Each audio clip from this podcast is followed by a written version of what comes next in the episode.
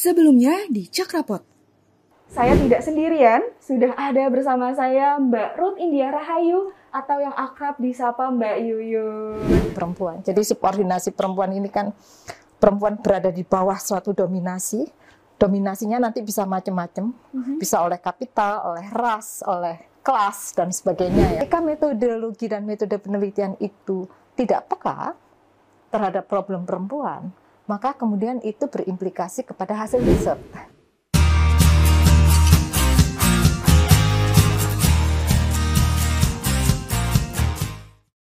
Beberapa kali juga kan uh, Mbak Yuyut berbicara tentang uh, perempuan dan perempuan dan perempuan. Kalau kita membicarakan penelitian menggunakan perspektif feminis, apakah memang harus terus tentang perempuan, Mbak? Bisakah kita juga kemudian uh, meneliti tentang masyarakat adat mungkin? Yang uh, minoritas gitu menggunakan perspektif feminis? Sangat mungkin, sangat mungkin. Justru persis menurut saya dan ini juga dalam pengalaman saya. Pengalaman saya sebagai peneliti justru banyak berhubungan dengan riset sosial, riset umum ya, hmm. penelitian umum. Tapi uh, di situ peranan saya adalah memberikan perspektif di dalam metodologi dan juga nanti metodenya. Misalnya kalau kita bicara tentang masyarakat adat, itu tampak umum ya. Iya. Dan rata-rata yang ingin dilihat dari masyarakat adat, misalnya bagaimana akses terhadap sumber daya alam dan lain-lain ya. Mm-hmm. Pengalaman saya misalnya uh, meneliti masyarakat adat untuk melihat well-being, tingkat well-being masyarakat itu seperti apa. Atau mereka punya konsep tentang well-being, kehidupan sejahtera lahir batin. Okay. Well-being. well-being itu kesejahteraan, beda mbak. Kesejahteraan kan dalam arti uh, lahir batin ya, bukan ekonomistis. Selama oh. ini kan oh. pemahaman kita tentang kesejahteraan sangat uh, dipengaruhi oleh pertumbuhan ekonomi ya. Nah, seperti itu ya. Itu kan riset umum. Tapi gimana kita juga ingin melihat uh, cara pandangnya perempuan. Karena ini yang mau diriset cara pandangnya, konsep masyarakat adat. Nah, uh, secara metodologis kita bisa melakukan intervensi Misalnya memasukkan kategori apa? Kategori gender.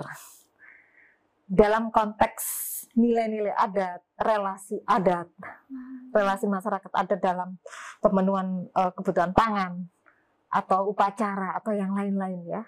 Itu kan kita bisa pakai ya uh, relasi gendernya ya. Misalnya ya di sini kategori. Terus kemudian um, apa tadi pendekatan subjektifnya uh, juga bisa kita lakukan secara khusus kepada perempuan.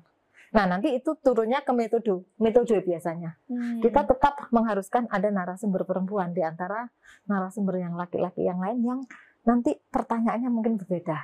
Oh, jadi ada perbedaan pertanyaan ketika itu adalah narasumber iya, perempuan dan iya. narasumber laki-laki. Iya. Oh, Anda tahu di masyarakat adat, saya kira juga hampir semuanya ya. Ketika Anda tanya, para perempuan itu hafal nggak tentang nilai-nilai adat? Mereka nggak tahu. Karena kan yang dididik untuk tahu melek pengetahuan adat, nilai adat, itu kan para laki-laki, laki-laki tertentu ya. Yes. Perempuan kan enggak. Mm -hmm. Maka yang kita gali lain, itu maksud saya merumuskan pertanyaan supaya memberi perspektif tadi ya mengangkat pengalaman perempuan itu juga nanti menjadi penting. Itu dalam konteks metodologi dan metode ketika membuat desain riset. Campur tangannya di situ. Jadi sangat mungkin pendekatan feminis dilakukan di dalam riset sosial yang umum dengan topik yang umum. Nah, tadi kembali ke masyarakat adat misalnya, pertanyaan mungkin menjadi berbeda. Mm-hmm. Mereka kalau ditanya tentang nilai adat nggak hafal. Itu ketua adat gitu. Sementara mereka kan juga nggak ada yang menjadi perangkat adat ya. Mm-hmm. Maka kemudian pertanyaan yang lain, Misalnya adalah partisipasi atau bagaimana relasi mereka dengan upacara adat. Apa pembagian kerja secara seksual antara laki dan perempuan di dalam upacara adat? Perempuan di mana posisinya? Pembagian kerja secara seksual di situ. Iya, iya. Ternyata kan perempuan biasanya konsumsi laki-laki yang nanti menyiapkan uh, apa perangkat upacara yang keras gitu ya. Dari situ kita bisa lihat pertanyaan nanti diarahkan di situ. Hmm, uh -uh. Iya. Terus kalau kalau pertanyaannya justru sama perempuan dan laki-laki justru per, itu tidak akan terjawab ya mbak ya? Tidak, karena ada pertanyaan khusus juga misalnya. Ah ini juga soal peneliti. Banyak yang bertanya, apakah peneliti feminis, penelitian feminis harus penelitinya perempuan? Yes, haruskah mbak? nggak selalu tergantung. Bisa Karena laki-laki. kalau wawancaranya umum Mhm. bisa, tetapi ketika wawancara itu menyangkut pengalaman perempuan, apalagi yang rahasia, seperti misalnya ini aja eh, soal kesehatan reproduksi Mhm. Oke. masyarakat adat. Itu kalau di laki- laki-laki, laki-laki penelitinya juga akan sungkan malu kalau nanya soal menstruasi, sakit atau tidak gitu ya. Perempuannya mungkin yang tidak terbiasa menjawab juga nggak enak, agak berbeda dengan kita sebagai peneliti perempuan. Karena kita juga merasakan menstruasi dan lain-lain sakitnya. Maka ketika kita ngobrol, eh, nanya kepada narasumber kita yang perempuan, maka obrolannya enak dan tahu apa yang di- di- ditanyakan. Iya dan nyaman juga narasumber Persis, untuk ngobrol itu persis, karena persis. Heeh. juga yang pewawancara Mm-mm, merasakan mm-mm, juga kan. Jadi- nggak selalu juga harus perempuan untuk eh, penelitian feminis bisa laki-laki tetapi tergantung kemudian apa yang mau kita tanya Oke. untuk hal-hal yang sangat pribadi yang menyangkut pengalaman perempuan sebaiknya perempuan Oke. karena tahu apa yang diomongin Yes. Ah, juga menyangkut trust dengan laki-laki malu ya Terus Mbak, Heeh. kalau kalau misalkan nih Mbak, eh, Mm-mm. penelitiannya itu mungkin memang umum Mm-mm. dan dilakukan laki-laki, maksudnya tidak ada pertanyaan-pertanyaan yang pribadi ya Mbak, dilakukan mm-mm, oleh peneliti laki-laki. mm-mm. Dan menggunakan perspektif feminis nih Mbak, apakah boleh semuanya laki-laki atau setidaknya ada perempuan gitu Mbak? Ya kalau nggak ada perempuan yang bisa terlibat, ya nggak apa-apa juga sih. Sepanjang pewawancara ini patuh kepada daftar pertanyaan yang sudah dibuat. Intervensinya kan nanti di dalam pembuatan desain research. Kalau sudah di dalam mengambil data kan itu tinggal koordinator peneliti misalnya untuk memonitor ya. Jadi menurut saya memang yang paling kalau di dalam penelitian yang umum, penelitian sosial, ini pengalaman saya, intervensi dalam pendekatan feminis atau perspektif feminis dalam penelitian adalah ketika membuat desain riset. Karena di situ intervensi metodologis, juga teori dan lain-lain, dan juga nanti metode. Kalau sudah turun ke lapangan, itu sebenarnya biasa, siapa saja bisa. Hmm, Termasuk oke. juga teman-teman laki-laki sebelum turun eh, turun lapangan kan Mm-mm. juga mestinya biasanya ada training skill ya. Bagaimana mendekati perempuan supaya bisa dipercaya. Oh, Oke.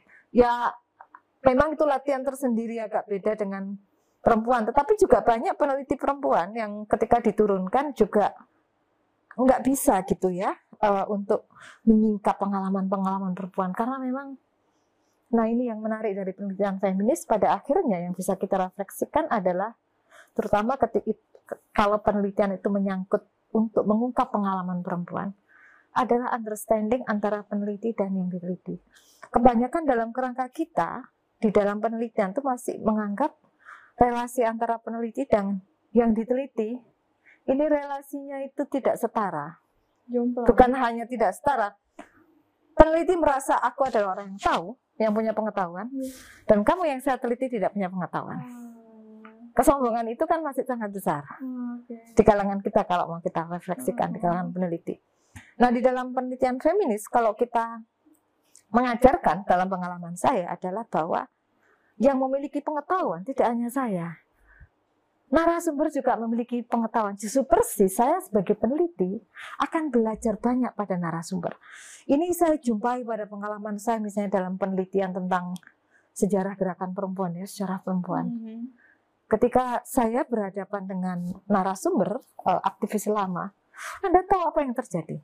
Saya banyak belajar. Hmm. Jadi yang menarik ini juga yang dibangun di dalam tradisi penelitian feminis adalah saling belajar antara peneliti dan diteliti. Karena pengetahuan ada pada dua-duanya. Nah sebenarnya sih em, saya nggak tahu ini ditempatkan sebagai nilai ta- atau apa, tapi saya menyebutnya sebagai satu tradisi egaliter Setara. di dalam membangun ha-ha, relasi antara peneliti dan yang diteliti Hmm. dalam konteks kepemilikan atas pengetahuan. Ini kan sebenarnya demo- mengajarkan sesuatu yang demokratis. Artinya menurut saya sumbangan penelitian feminis yang sangat menarik di dalam penelitian sosial justru juga di sini Oke. membangun ek- tadi kesetaraan egalitarian di dalam hal kepemilikan atas pengetahuan ya. Oke. Sementara kan kebanyakan riset-riset umum itu menganggap narasumber itu ya objek aja. Mm-mm. Tidak melihat bahwa narasumber juga memiliki, Memiliki pengetahuan, pengetahuan. dan Ha-ha, justru ha-ha. ketika kita Mm-mm. menjadi peneliti, kita bisa belajar banyak dari narasumber Persis. juga. Nah, Itu penelitian sih. feminis itu eh, kalau dilakukan dengan benar, itu akan ke sana. Yes. Iya benar benar benar. Menarik ya Mbak ya. Iya. Iya, Oh, jadi kita bisa sekali. terus belajar sebenarnya. Saya pun terus menerus belajar. Mm-mm. Oke. Ha-ha. Nah, Mbak Yuyut, eh, Mm-mm. tadi kita membicarakan Mm-mm. tentang relasi ya antara Mm-mm. narasumber dengan peneliti itu ketika dari perspektif feminis memang melihatnya Mm-mm. eh, egaliter, setara, equal. Mm-mm. Dari situ nih Mbak, sebenarnya kalau kita peneliti Mm-mm. melakukan penelitian dengan perspektif feminis, ada nggak sih Mbak etika yang perlu kita perhatikan Oh. dalam melakukan penelitian? Jelas, jelas, sangat ada. Tadi itu bisa juga ditarik sebagai etika, yaitu bagaimana kita menghormati narasumber, Oke. menempatkan narasumber sebagai pemilik pengetahuan. Yes. Itu prinsip utama, Eh, prinsip etis ya di dalam penelitian feminis. Mm. Kemudian eh, yang lain sebenarnya adalah, hmm, Anda tahu bahwa apa? Terutama untuk penelitian yang mengungkap pengalaman traumatik misalnya ya para korban ya korban apa pun, apakah kekerasan eh, personal ataupun kekerasan di dalam perang dan lain-lain ya, itu banyak prinsip etika-etika yang harus kita patuhi. Yang kedua ini, eh, kita harus tahu batas kapan bertanya atau menempatkan pertanyaan. Karena orang yang traumatik misalnya eh, karena pengalaman penindasan yang berat, itu juga kalau dikejar dengan pertanyaan terus-menerus, dia juga akan nggak sanggup. Karena mengungkap kembali pengalaman traumatik itu berat. Di sini butuh kesabaran peneliti. Maka sebelumnya jangan langsung begitu datang langsung bertanya. Membangun trust diperlukan. Ketika satu pertanyaan melihat eh, keadaan narasumber, misalnya mereka sudah nggak mau lagi menjawab, ya kita stop. Jadi bagaimana menempat apa membuat narasumber nyaman untuk mengatakan untuk bercerita itu menjadi penting. Nah, yang ketiga kemudian maka tempat penelitian menjadi penting. Tempat dan waktu. Gimana tuh Mbak? Waktu perempuan itu berbeda dengan waktu laki-laki yang saya amati. Waktu perempuan adalah sesudah misalnya sesudah dia mengerjakan pekerjaan rumahan pagi. Jam 10 itu agak agak ada longgar. Kemudian siang sesudah ngasih makan siang anak dan lain-lain. Itu agak longgar ya. Kemudian sesudah maghrib setelah makan malam agak longgar. Kalau kita mau wawancara kepada para perempuan, lihatlah waktu mereka. Karena ketika mereka melakukan pekerjaan itu, eh, tidak layak untuk diganggu. Karena tanggung jawab perempuan yang begitu besar hampir 24 jam. Agak beda dengan laki-laki. Kerja laki-laki paling siang sudah selesai ya kalau petani atau kalau di pabrik mungkin 8 jam selesai. Sesudah itu Anda bisa wawancara karena sudah itu mereka ngopi. Perempuan kan tidak terbatas. Hampir Iya. terus ada kerja. Maka pahami kapan waktu dia luang Oke. dan itu menentukan dalam dia bercerita. Ketika dia lagi kepikiran belum menjemput anak dan lain-lain, berceritanya juga akan tidak Beda. fokus ya. Satu. Dan tempat Hmm. Meneliti dengan narasumber perempuan, kalau di ruang tamu itu nggak akan keluar. Itu bukan ranah mereka.